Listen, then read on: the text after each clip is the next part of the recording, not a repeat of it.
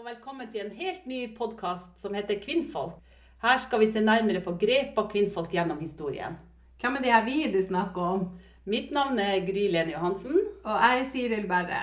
Og vi er to grepa damer som har en uh, til podkast som kanskje noen kjenner oss fra, og det er Plantertanter. Og vi er jo veldig glad i å formidle og dele gode historier når vi gjør på Plantertanter også, men i denne podkasten så skal vi ta for å gi kred til eh, de damene som fortjener det. Noen er kjent, og de, de fleste er ikke så godt kjent som de burde være. Så, men hva er et kvinnfolk? Ja, hva er et kvinnfolk? Ja.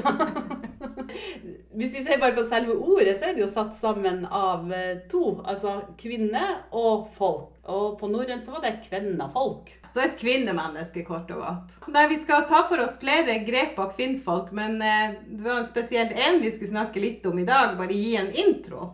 Ja, for en av de vi skal snakke om, det er jo Buksberet, eller Bukseberet. Det sies at hun var den første dama som gikk med bukse i Norge. Hun het Berit Johanne Paulstøtter Dybvann og var født i 1794 og levde til 1868, så hun ble 74 år. Og så vil jeg lese litt om hva som eh, sånn beskrivelse av henne. Berit Johanna.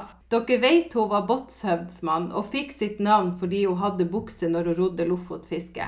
Den første dama som gikk med bukse, det var nå hun Bukse-Berit. Hun var i spissen for sin, eh, for sin, tid i alle ting, og det sto respekt ut av hennes korpus, for hun var et jern. Hun var punkt og prikk. Det var ikke vanskelig for hun Bukse-Berit å få folk med Lof til Lofoten på fiske, for hun kunne så mye. Det sies at det var litt trolldom inne i bildet og at når uværet kom og skyskavlene ville begrave båten, da så hun på skavlene, og da la de seg så båten skar over den uten å få en skvett inn. Et allsidig kvinnfolk som både rodde fiske og kunne stagge vær og vind. Ja, hun var ikke til å spøke med.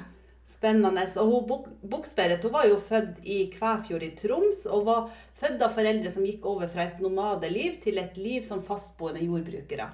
Og i Kvæfjordbruka så står det de gikk over fra nomadeliv mellom fjord og fjell og slo seg ned som fastboende. Og en annen ting, hun Buksberg kunne tisse stående. Det var en kunst. ja. ja, det her må vi høre mer om. Ja, Vil du høre mer om eh, denne grepa dama og flere andre grepa damer, så må dere følge med på vår nye podkast Kvinnfolk. Som kommer snart. Mm, vi gleder oss.